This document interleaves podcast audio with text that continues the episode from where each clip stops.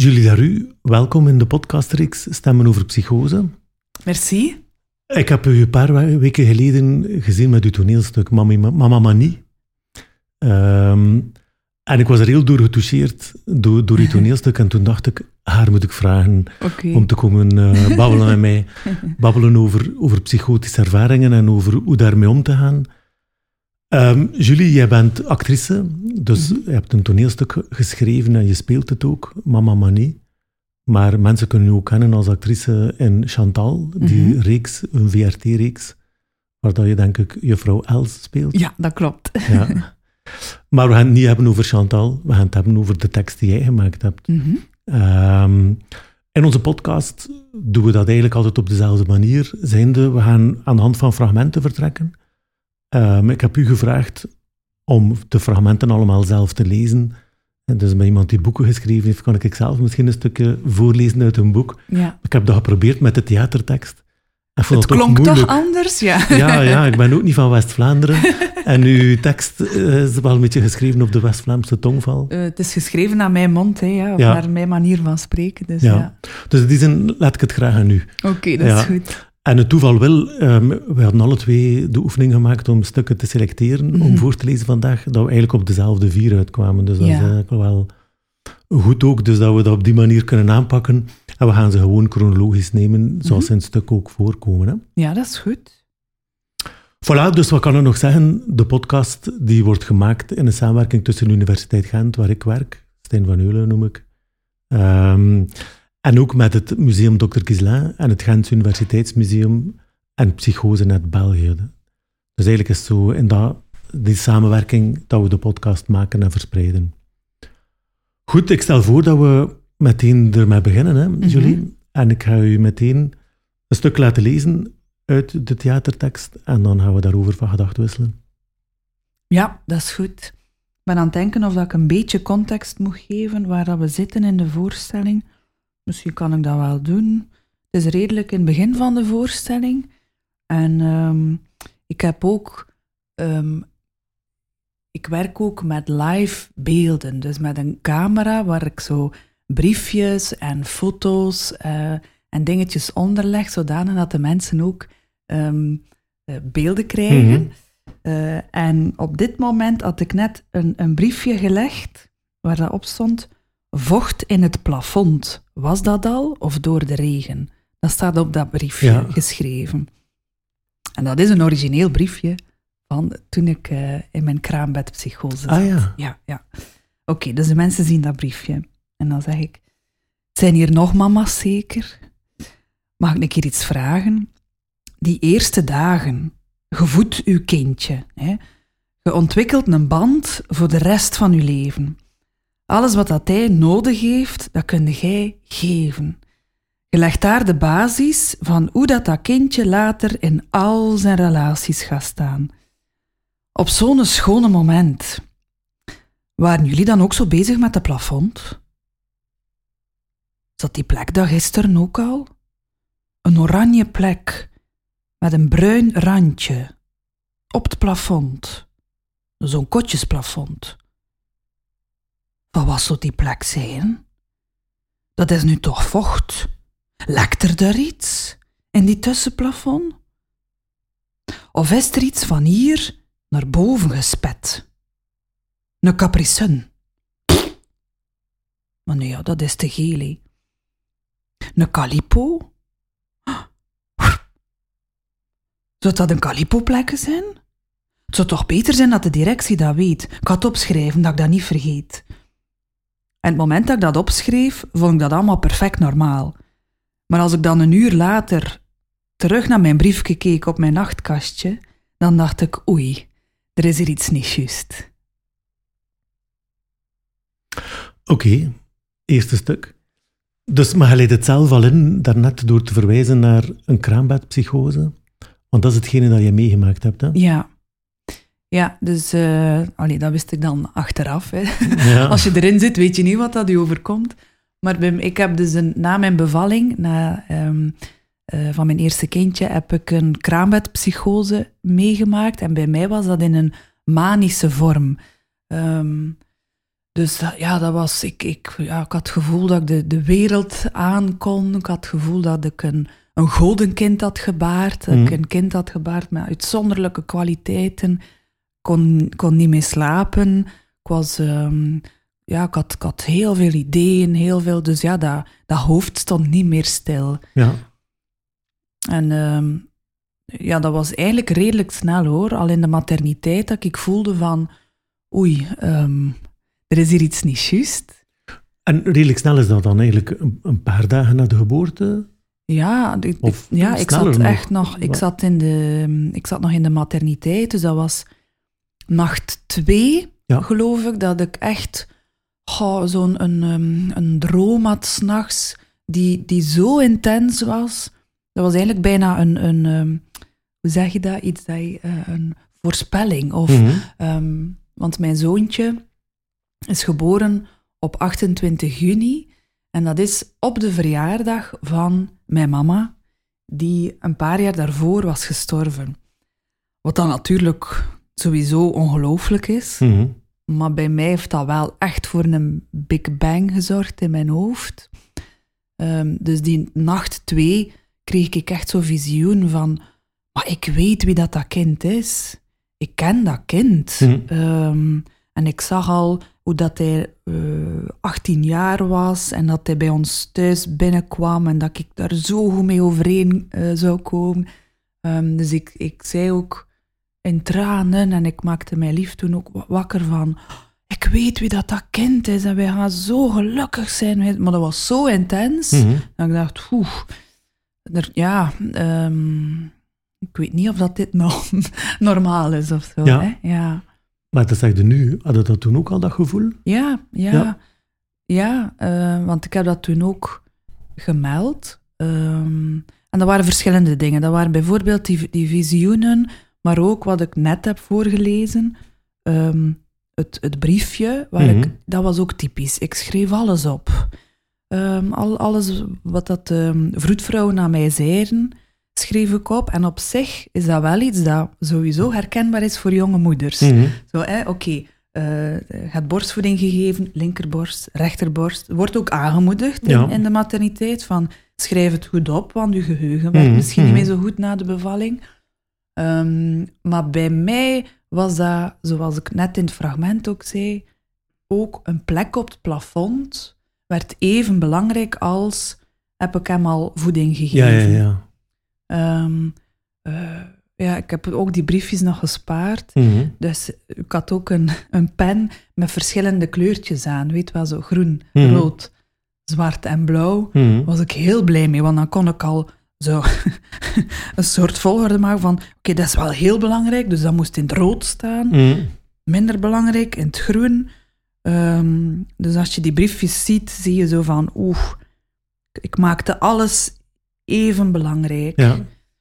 Ehm, en dat heb ik ook eigenlijk zelf gemeld in de materniteit. En toen is er ook een psychiater gekomen al Mhm. op de kamer.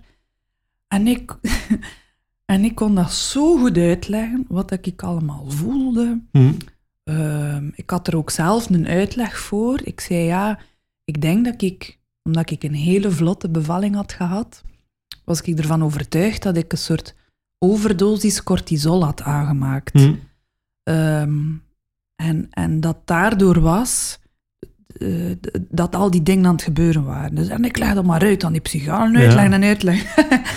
en die zei, na- nadat ik uit, uitgeraasd was, zei ze, oké, maar ik denk niet dat je in een psychose zit, want ehm, iemand in een psychose heeft niet zoveel zelfreflectie. Mhm. Je kan dat allemaal heel goed benoemen. Ehm, dus zei ze toen, don't underestimate sleep deprivation. Ja. Als een vrouw na een bevalling Mhm, heel mhm. lang niet goed slaapt, Mhm. kunnen er ook zo'n rare gedachten Ja, ja. opkomen. En dat snap ik ook, hè, dat, die, Mhm. dat die mij toen ook eh, heeft gerustgesteld. En van, oké, slaapt een keer goed. En die heeft mij naar huis laten gaan. Ja. Eh, achteraf gezien denk je van, allee, ik heb het zelf gemeld. Ik heb Mhm. het zelf gezegd van, er is hier iets niet juist. Maar bon, ik, ehm, ik neem ze dat ook niet kwalijk hoor. Ik snap ook dat je op dat moment kijkt naar de persoon die voor u zit en, en Ja. denkt, oké, we gaan nog niet alarmeren. Ehm, Maar het komt er dan blijkbaar hoe op neer een stukje dat in uw sociaal functioneren dat dat niet zo opviel, maar dat dat wel intern, dat er wel al aandacht aan besteed was aan bepaalde details, dat, Ja. dat, sommige dingen een klein beetje anders aanvoelden. ja, het is gewoon een beetje een uitvergroting van wie dat ik normaal ben. Ja, Ehm, en ik, ik ben ook enthousiast en ik babbel ook graag. Eh, maar mijn omgeving zag ook wel dat ik heel veel aan het babbelen was op dat moment. En dus Ja. ook, en ook inderdaad heel enthousiast. Omdat die bevalling zo vlot was gegaan, zonder verdoving. Mhm. Vond ik weet niet tof. Ik zei ook direct na de bevalling, mag ik nog een keer? ja. Echt? ja. Ehm, eh, eh, en, en ja, iedereen rondom mij zei zo van... Het is ongelooflijk, maar aan de andere kant, ja... ehm, ja, typisch dat dat bij jullie dan Mhm. een feest is, die bevalling. Ehm, eh, dus dat was ook allemaal nog niet... Ja, het ligt allemaal... Het is zo'n dunne grens, hè, van... Is dat nu... Is dat nu gek wat dat er aan het gebeuren is? Of is dat gewoon euforie Ja. na een bevalling? Ehm, Maar het is daar niet bij gebleven. Ehm, en misschien kunnen we dat naar het volgende fragment overstappen, omdat het volgende fragment er eigenlijk over gaat, Ja. dat, dat dat wel een, een diepere impact gehad heeft en u op allerlei andere manieren nog allerlei gedachten bracht die u in de war hebben gestuurd, een stuk. hè? ja, ja, dus hebben ze mij dan naar huis gestuurd, na vier dagen op de materniteit. Ehm, en dan ging dat wel heel snel Ja. achteruit, als in dat ik niet kon slapen. Eh, en ook gedachten had die alle kanten op gingen. En ik noem dat in de voorstelling de waarheidsmachine. Mhm. dat mijn hoofd werd. Ehm, ik het fragmentje erbij halen. Ja. Ik ga het gewoon voorlezen. Ja, prima. Ik mocht de ganse dag in bed liggen. En toen is er wel iets bijzonders gebeurd. Ehm, ik ga het proberen uitleggen. Mijn hoofd, dat werd een waarheidsmachine. Ja, dus eh, er kwamen gedachten binnen. Mijn hoofd verwerkte die. En dan verscheen er... Ping! Een waarheid. Ja, kan het niet anders zijn. Ehm, bijvoorbeeld... Een frigo is een rivier. Als ik een steen verleg in een rivier, dan is die rivier niet meer hetzelfde. Als ik de boter verleg in de frigo, dan is die frigo niet meer hetzelfde. Een frigo is een rivier. Dus er kwam een gedachte, dat werd op een draaischijf gezet, zodat ik ze langs alle kanten kon bekijken. En dan eh, schoof die gedachte verder in mijn machine. Ze werd in een buis gezogen, in een trechtertje, door een draaikolk. Ze valt in een koker en dan komt er uit die teut... Ping! Een waarheid. De oplossing voor het klimaatprobleem moet gecomponeerd worden als een klassiek muziekstuk. Want muziek is universeel en dat kan door iedereen begrepen worden.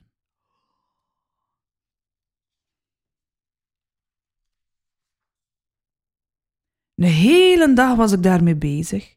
Ik had iedere dag een stuk of drie waarheden die dan tot mij waren gekomen. En dat kon politiek zijn, ecologie, linguïstische analyses, filosofische inzichten, wereldbeschouwingen. Ping! Ik moet meer maïs eten. Want ik eet te weinig maïs. Oké. Dus dat stukje noemt ehm, waarheidsmachine. En, allee, dat heeft, heb, je de titel gegeven in, Ja. uw- in wat je geschreven hebt. Hè? Ja. Want het gaat inderdaad over waarheden die gelijk zo als een soort openbaring naar u toe komen. ja, maar dat begon altijd met een, ehm, een probleemstelling. Mhm. Eh, en dat waren echt zo ja, gedachten die, want ik lag eigenlijk plat in mijn bed. Eh, die borstvoeding was toen op dat moment al gestokt. Eh, dat ging niet meer goed. Mijn lichaam begon het zo wat af te geven, ehm, eh, uit te vallen, Mhm. eh, omdat dat lichaam had te weinig slaap. En dus lag ik in mijn bed En er kwamen gedachten binnen, dat begon altijd met een probleem, eh, waar dat mijn machine, namelijk mijn hoofd, dan een oplossing voor zocht. En dat was echt, ik, dat was echt hoe dat ik het ook beschrijf. Mhm. Ik had daar echt een visualisatie van, van oké, nu moet het nog een keer daardoor, nu door die trechter, ehm, daar nog een- ja, ik ben er nog niet, ik ben nog niet tot een oplossing gekomen. Hm, En dan plots had ik een oplossing en dat was altijd in één zin. hm, En dat was dan mijn waarheid. hm. Ehm, en dat was denk ik voor mijn omgeving ook wel een alarmbel.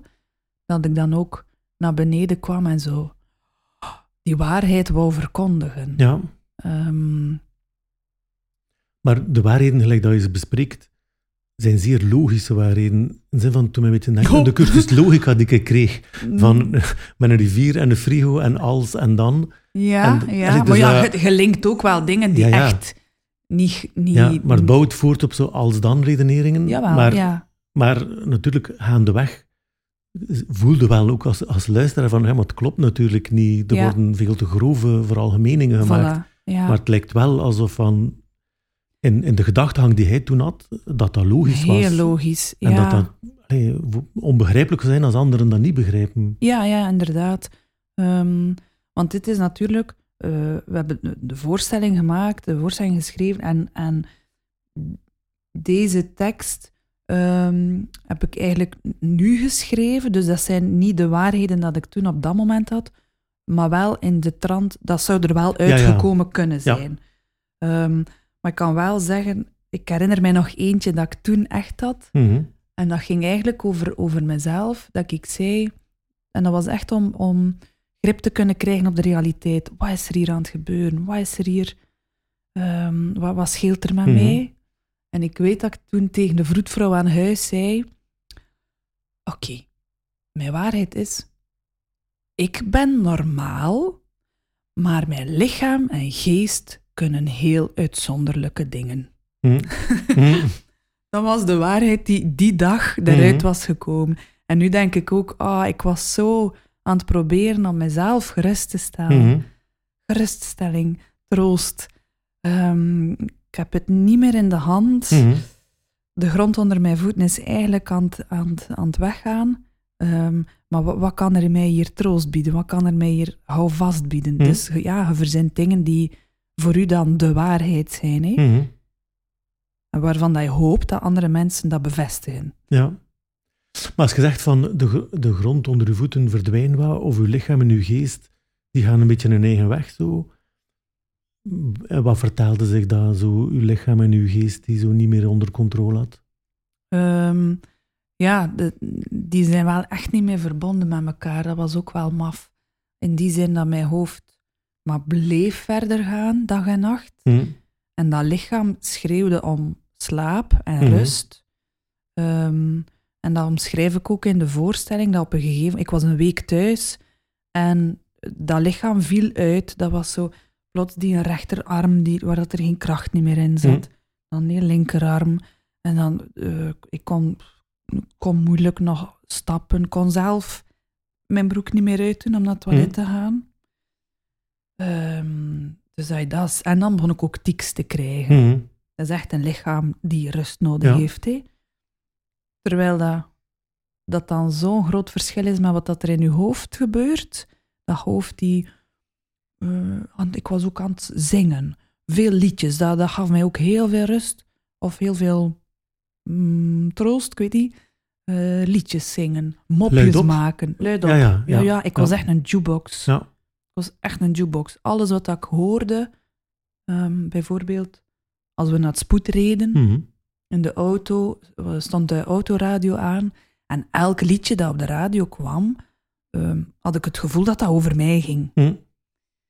Taylor Swift zong Shake It Off. En, en mijn lichaam was echt aan het shaken Mhm. door die tics. En ik dacht, "Huh, hoe weet ze zij dat? Mhm. Dat is echt, die zingt dat hier voor mij. Eh, ik omschrijf dat ook in de voorstelling. Dus, eh, van, eh, shake it, shake, shake it, shake it like a Polaroid picture van Outcast. En ik dacht, je ziet ook een logisch verband van waarom dat al die nummers op Ja. dat moment op de radio zijn. Tuurlijk, want dat zegt iets over mij. En, en eh, dus heel de, ja, heel de wereld draait om uw beleving. Hè? Hm. En was het ook dat dat u uit uw slaap hield? Dat je daar in die trant continu van de ene gedachte op de andere bleef springen? Ja, ja.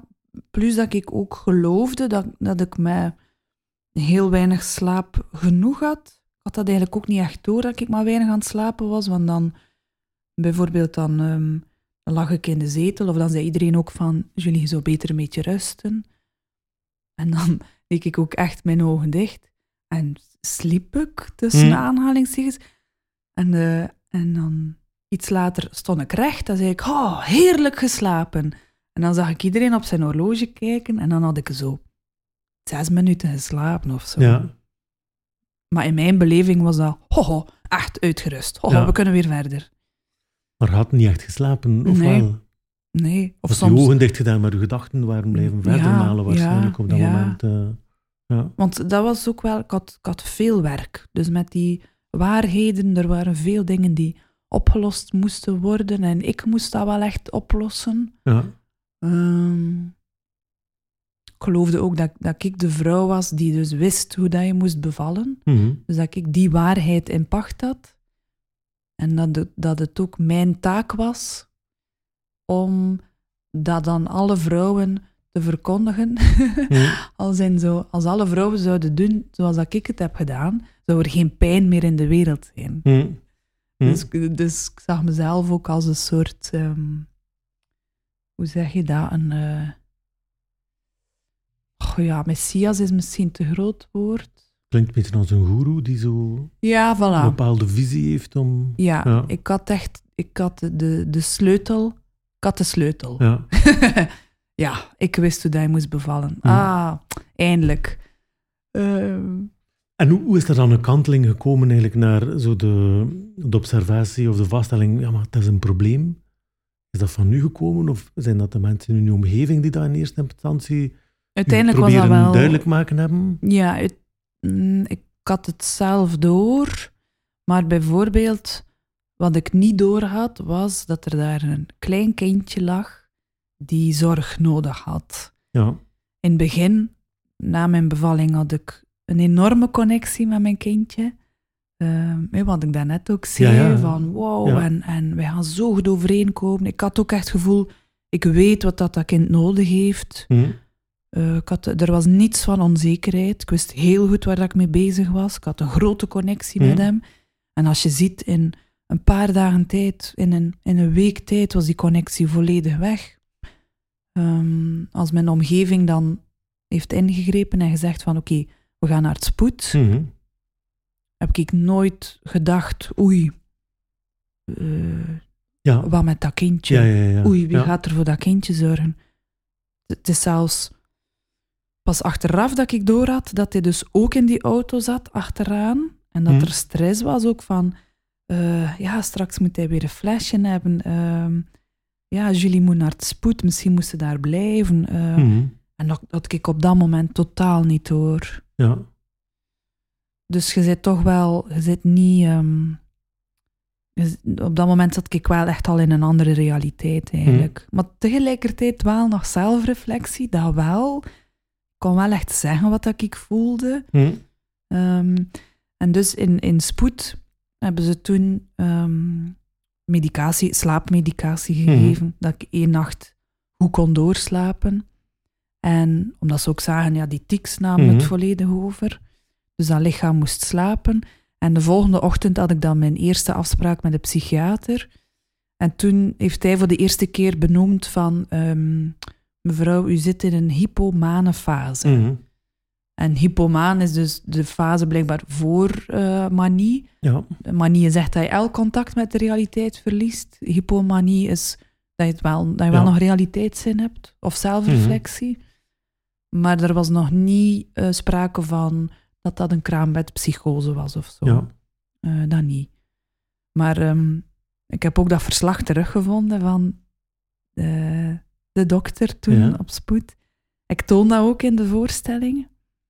En daarin staat wel ehm, dat ze het ook al linken aan de bevalling. Zo van na de bevalling eh, grote euforie, Mhm. ongeordende gedachten. Mhm. Ehm, mevrouw beweert dat ze een grote connectie heeft met haar kind. Mhm. Ehm, dus ja, eigenlijk zijn die symptomen, als ze dan opschrijven, wel al Ja. echt, echt ja, gelinkt aan kraambedpsychose. Mhm. Alleen hebben ze toen gezegd, oké, we geven jou medicatie mee ehm, om goed te kunnen slapen.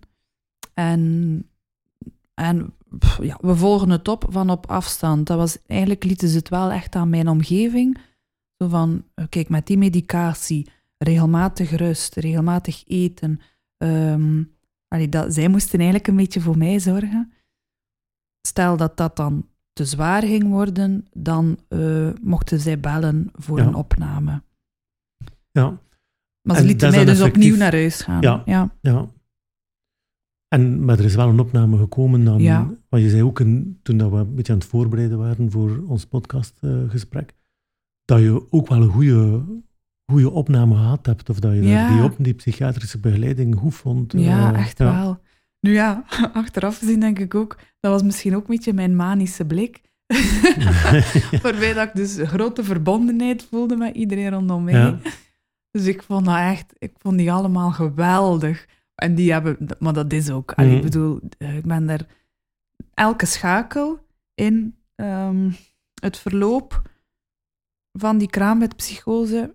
Ik mag echt, ik ben zo dankbaar voor elke schakel. En dat gaat dan over ehm, ja, de mensen die bij de bevalling waren, eh, de vroedvrouw aan huis, die Mhm. echt op tijd heeft gereageerd. Van nu moeten we ingrijpen. Niet te vroeg, niet te Mhm. laat, echt op het goede moment.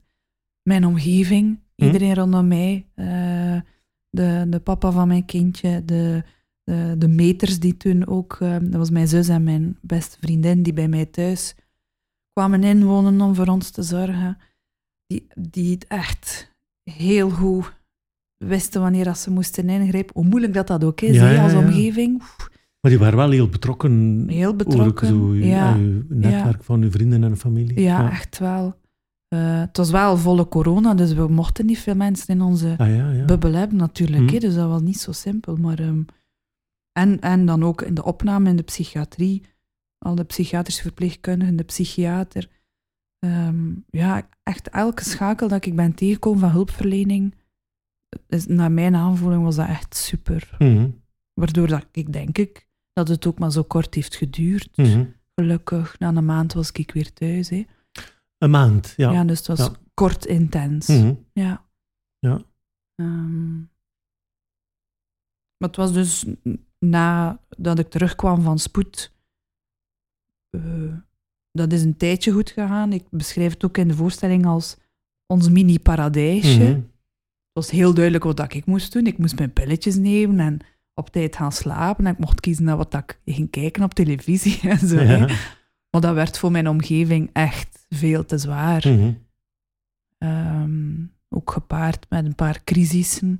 Dat dat lichaam totaal, eh, ja, begon te, te beven Mhm. en, en niet meer tot rust kon komen. Ehm, en dan hebben zij, maar ja, dat was dan de huisarts, de vroedvrouw en eh, vrienden en familie in mijn omgeving die beslisten van oké, het is te zwaar voor ons, Mhm. eh, nu moet je wel binnen gaan. Mhm, Ja. Oké. Ik stel voor dat we meteen overstappen naar, naar de twee volgende fragmenten. En dat zijn de twee die we gekozen hebben vanuit ehm, ja, het herstellen eigenlijk. Hè, van, een beetje vanuit de vraag, wat heeft er u dan geholpen om, om er bovenop te komen? Ja, want dat is een belangrijk iets, hè, mensen die zo'n psychotische crisis meemaken. Ehm, hoe daaruit geraken. Hè. Er zijn veel mensen die daarmee worstelen, die ook niet meteen perspectief hebben, die zich niet direct kunnen voorstellen hoe dat, dat kan en of dat dat kan. En omdat ik heel graag ook daar eigenlijk wat aandacht aan besteed. Mhm. Ehm, en ook daar hadden we zo twee dezelfde scènes wat uitgeselecteerd. hè. Dus Ja. ik ga je meteen een eerste laten lezen ook. eh. Ja, dat is goed.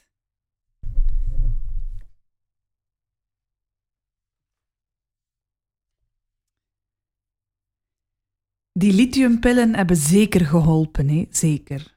Maar de zelfgemaakte citroencake van mijn zus, die heeft ook geholpen. het neepje van mijn broer in mijn schouders om mij recht te trekken, om mij terug in mijn oorspronkelijke vorm te boetseren, dat heeft ook geholpen. Alle slaapwelberichtjes van Greet. Love you, Julesy. En ze stuurt ze nog. Iedere keer dat mijn zus keek van, dat is Julie. Het is misschien een beetje een andere versie, maar ik herken ze nog altijd. Die uh, handgeschreven brief van tante Lies. De knuffels van mijn lief met Bobje in de draagzak tussen ons in. En dat hij het ook allemaal niet wist, maar dat hij wel wist dat hij even moest doen alsof dat hij het allemaal wist. Het kersenpitkussentje van Stefanie dat ze kwam brengen, ook al mocht ze als patiënt geen andere patiënt helpen. Die keer dat Amin, de nachtverpleger, zo moest lachen met mijn turnoefeningen die ik deed om te kunnen slapen. Koprols, in mijn bed, 42 heen, 42 terug. En dat het zo'n deugd deed om de mens te zien en niet de verpleger. En natuurlijk Bobje, die toen ik thuis kwam, op mij in slaap is gevallen alsof dat ik nooit was weg geweest. En dat Amin een snalen was, ja, dat heeft toch ook wel geholpen bij de genezing, denk ik. ja. Uh, in de voorstelling, misschien voor de mensen die de voorstelling niet gezien hebben, uh, uh, ik sta niet alleen op het podium. Mm -hmm. Ik word ook geflankeerd door een fantastische muzikant, en dat is Benjamin de Smet. En tijdens dit stukje tekst wij noemen dat de dankscène. Mm Speelt hij ook een, um, uh, ja, een soort een beetje bluesachtig. Dus dat is altijd heel fijn om dat als achtergrondmuziek ook te hebben. Daardoor komt de dankscène nog beter ja, uit ja, of ja, zo. Tuurlijk, ja, ja. We doen hier gewoon een lezing van de teksten. maar um, allee, wat ik er zelf wel mij echt in dat is dat je echt verwijst naar zowel naar uw vrienden, naar uw familie, naar die medepatiënt die dan uh, een beetje de regels overtreedt en, mm -hmm. en, iets doet voor u. Ja. Naar die verpleegkundige die ook allee, op een authentieke manier verschijnt, zo niet pokerface, puur uh, strikt gebonden van ik moet aan mijn rol vasthouden. Ja. En, maar, maar een mens die zijn werk wel goed zal doen en het ook uh, daarom een beetje kan openlaten dat er ook iets anders mag verschijnen. Absoluut. En uw kindje, dus dat zo die contacten wel, stipte echt wel aan ons van kijk, dit heeft mij echt ook geholpen. Hè? Ja, ja, niet alleen de medicatie. De medicatie was nodig, sowieso. Ja. Dat trek ik ook niet in twijfel. Mm -hmm.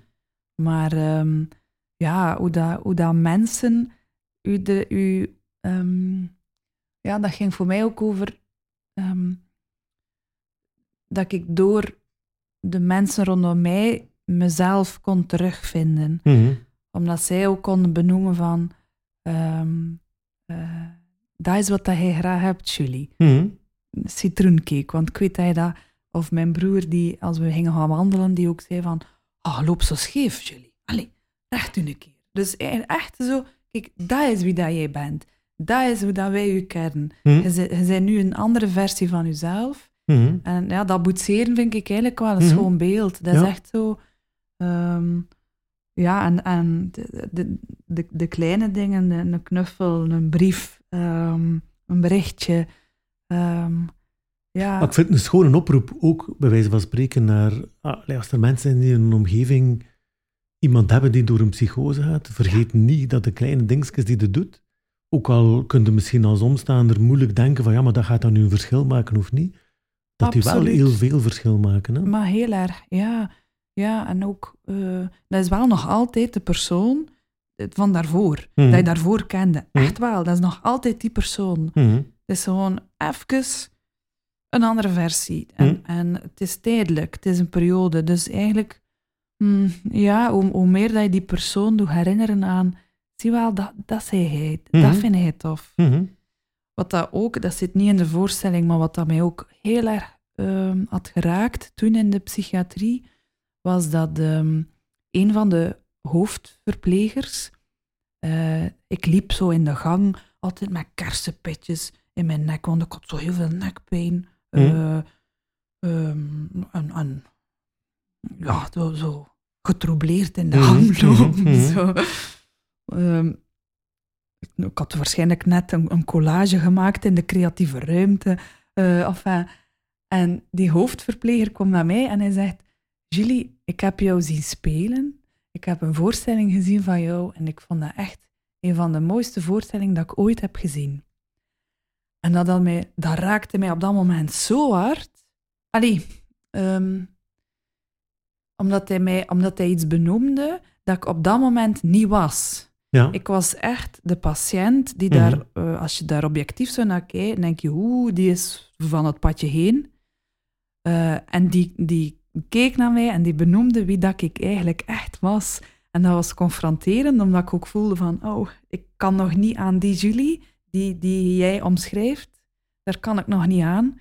Maar ik weet ook dat ik eigenlijk die ben. Mhm. Eh, en dat is natuurlijk toeval dat die die voorstelling had gezien Mhm. en dat hij mij herkende. En ja, maar, ehm maar ja, ik denk dat dat wel. ehm, Maar werd aangesproken in een van de dingen die, die voor mij de kern zijn ja, van wie dat die ik van ben. uw sterktes en inderdaad Ja. iets van uw identiteit. Ja. Als anderen u gekend hebben, dan is eigenlijk u daar helpen om u daar zelf terug, daar, naar terug te keren eigenlijk. Hè? Ja, echt wel. En eigenlijk zijn dat allemaal zo'n Mhm. bouwsteentjes. Ja. Een beetje later in de voorstelling ehm, zeg ik ook van, ik zat, ik zat te babbelen met een vriendin in het gras. eh, en plots gooi ik mezelf achterover en duw ik mijn neus in het gras en schud ik met mijn poep en roep ik, oh, dat gras, dat riekt toch zo goed. En dat zij zegt van, goh, jullie, normaal zou je dat like niet doen. En ik zeg, oh, ja. Ja. ik weet het. Ja. Dus zo, het wel liefdevol eh, en met een lach. En zo van, oh my, wat doe jij nu? Ik denk niet dat je dat like anders zou doen.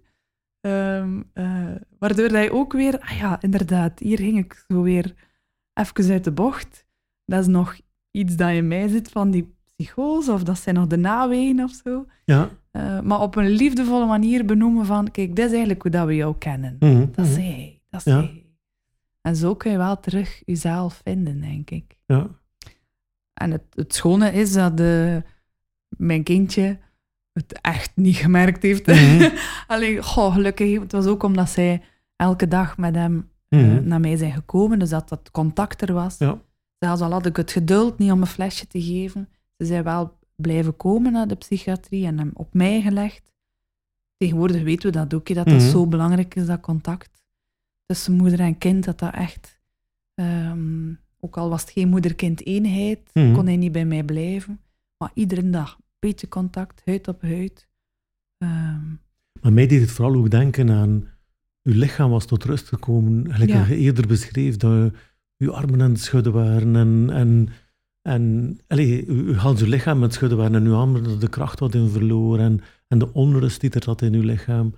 Terwijl nu, ey, in de, in de laatste zijn die je voorlas, zo, blijkbaar was uw lichaam ook wel Mhm. klaar voor om, om, om, om, om die... te zorgen. Oh ja, en, Ja. en ook om dat, dat kindje rustig te laten worden. Ja. ook maar doordat uw lichaam ook dat kon. Zo, hè. Ja. Dat, Ja, echt wel. Eh, ja, schoon, hè? ja, absoluut, absoluut. Misschien moeten we dan overstappen naar de laatste scène, wat dan meteen denk ik ook de, het einde van de voorstelling zo wat is ongeveer. hè. Dat is het einde van de voorstelling, ja. Eh, ik zeg het ook, ik zeg het ook letterlijk. Het is tijd voor de eindscène. Ja. Voel je het? Je pijst waarschijnlijk ook, zou je dat wel doen? Een eindscène? Hoe zeg je zo zeker dat dat allemaal gedaan is? Maar Madame Picard... Madame Picard is in de voorstelling, zogezegd, de psychiater. Mhm. Madame Picard heeft altijd gezegd: Kijk, Julie, als je aan een soep begint en je werkt die soep ook af, dan is er geen probleem. Dus ik ga mijn voorstelling afwerken, nu. Hm. Verleden week ben ik met Bobje bij de beenhouwer. En er is zo een eh, jonge vrouw voor mij, met haar maxicosi. En ze staat zo vreemd naar die toog te kijken. En de beenhouwerin zegt, ja, de volgende. En die vrouw reageert niet. Ze staat zo vreed te kijken ehm, in die toog naar een groot karton met eiers. En ik doe teken naar de beenhouwerin van, ja, zij is eigenlijk voor. Ehm, en de beenhouwerin van, ja, zeg maar, hè, zeg maar. En dan madamke zegt, ehm, eh, eh, die eiers, is dat de per stuk? Dus is dat per stuk één ei? Allee, dus, dus per ei? Of is dat direct heel in een karton? En hoeveel zit er eigenlijk in zo'n karton? En ik herken die onrust. En de benauwerin kijkt naar mij van... Dat is een rari. En ik heb die vrouw haar handen vastgepakt. Ik heb gevraagd, ça va? Ze kon niet in mijn ogen kijken, maar ze werd wel een beetje rustig. En ik zei, het gaat over. Het gaat echt over. Ja, Einde. ja. Mhm.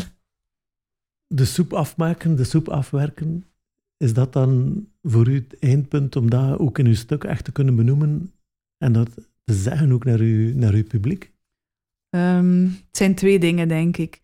De soep afwerken, dat was iets wat de psychiater zei. Aan, eigenlijk eh, was een boodschap voor mijn omgeving.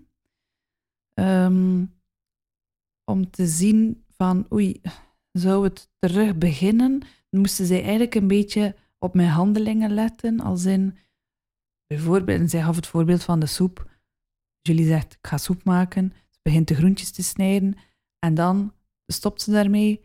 Ze pakt een boek, ze begint te lezen. Ze pakt een auto, ze rijdt naar de zee. Dus eh, Mhm. eigenlijk dat je handelen niet afwerkt, dat dat een, een symptoom kan zijn van ah, weer een beginnende manie. Maar ja, ehm, ik weet dat ik, ik vond dat ook een beetje dubbel, want ik ben ook iemand die aan een soep begint, dan een mailtje beantwoordt, Mhm. dan naar een podcast luistert, dan weer een beetje aan die soep werkt. En dan... Dus ik weet dat ik toen in die herstelperiode vrij aan het letten was op mijn handelingen en dat ik dat ook wou bewijzen aan mijn omgeving, van zie dat ik geconcentreerd kan werken, of dat, ehm, dat je denkt, ja maar, eigenlijk is dat ook gewoon deel van mijn karakter, hoe dat Mhm. ik ben. Ehm, en dat is wel echt een zoektocht hoor. Terug vertrouwen krijgen in jezelf, het vertrouwen krijgen van je omgeving, van ja, maar ik was al een beetje zot hè, ervoor. Ehm, Mhm. Is dat nog geoorloofd? Veroorloofd? Veroorloofd? Geoorloofd? Geoorloofd. ja. Geoorloofd. Ehm, dus dat, die thematiek zit daarin, of ja, de zoektocht. Maar je moet jezelf kunnen blijven. Ehm, en de scherpe kantjes moeten eraf, maar je moet jezelf kunnen blijven. Ja, en dat is zo'n beetje die zoektocht waarschijnlijk. Hè, ja, van- hoe zot mag je nog zijn? Hè? ja. Dat is wel een moeilijke. Dat, dat, allee, dat is wel, ik ga dat ook niet ontkennen, dat, dat, Mhm. dat eerste jaar daarna, en je zit ook nog onder de lithium, Mhm. wat dat voor mij ook wel, dat is een afvlakking. Dus dat is om je hoogtes niet te Mhm. hoog, laagtes niet te laag te maken. Maar bij mij, ik voelde vooral dat plafond naar boven toe. Dat ik dacht, ah, normaal zou ik hier enthousiaster op reageren, uitgelatener. En dat kon niet. De-. Dus die medicatie vond ik, hield mij wel wat tegen. Ehm, en dat dan net in het eerste levensjaar van uw kind, dat is wel jammer. ja. Eh, en ook, ja, ik ben actrice, dus ik dacht ook, Jezus, ga ik nog ooit terug kunnen spelen? Want ik werk ook in dat plafondje, Ja, ja. dat bovenste plafondje, waarbij dat je een luikje openzet en dat je dingen durft en dat je Mhm. durft, ja, ehm, ja, voor dat zotte te, ja, tussen haakjes dat zotte te gaan. Ehm, dus mm, niet gemakkelijk, maar Mhm. ik vind wel dat nadat de lithium gestopt is, was dat ook een soort bevestiging voor iedereen van, ah, ze is genezen, ook voor mezelf. Ehm, die periode is afgesloten. Ehm, dus ja, ze is weer haarzelf, zo, ja. En terug een beetje er vertrouwen op wat dat er spontaan komt. En dat dat Ja. spontane, dat dat niet het verstoorde noodzakelijk is, maar dat Ja. dat ja, uw eigenheid ergens is. Ja, ik, ik ben ook enthousiast. Mhm. Ik lach ook veel. Ik, ik babbel ook veel. Maar, dat dan, eh, ja, dat, dat niet meer een als symptoom wordt gezien. Mhm. hè. Als ik Mhm. een keer luid op lach met iets op televisie, dat dat ook is omdat ik dat daarvoor ook al deed. Mhm. Maar gewoon omdat ik zo ben. En niet van, oei oei, is terug begonnen.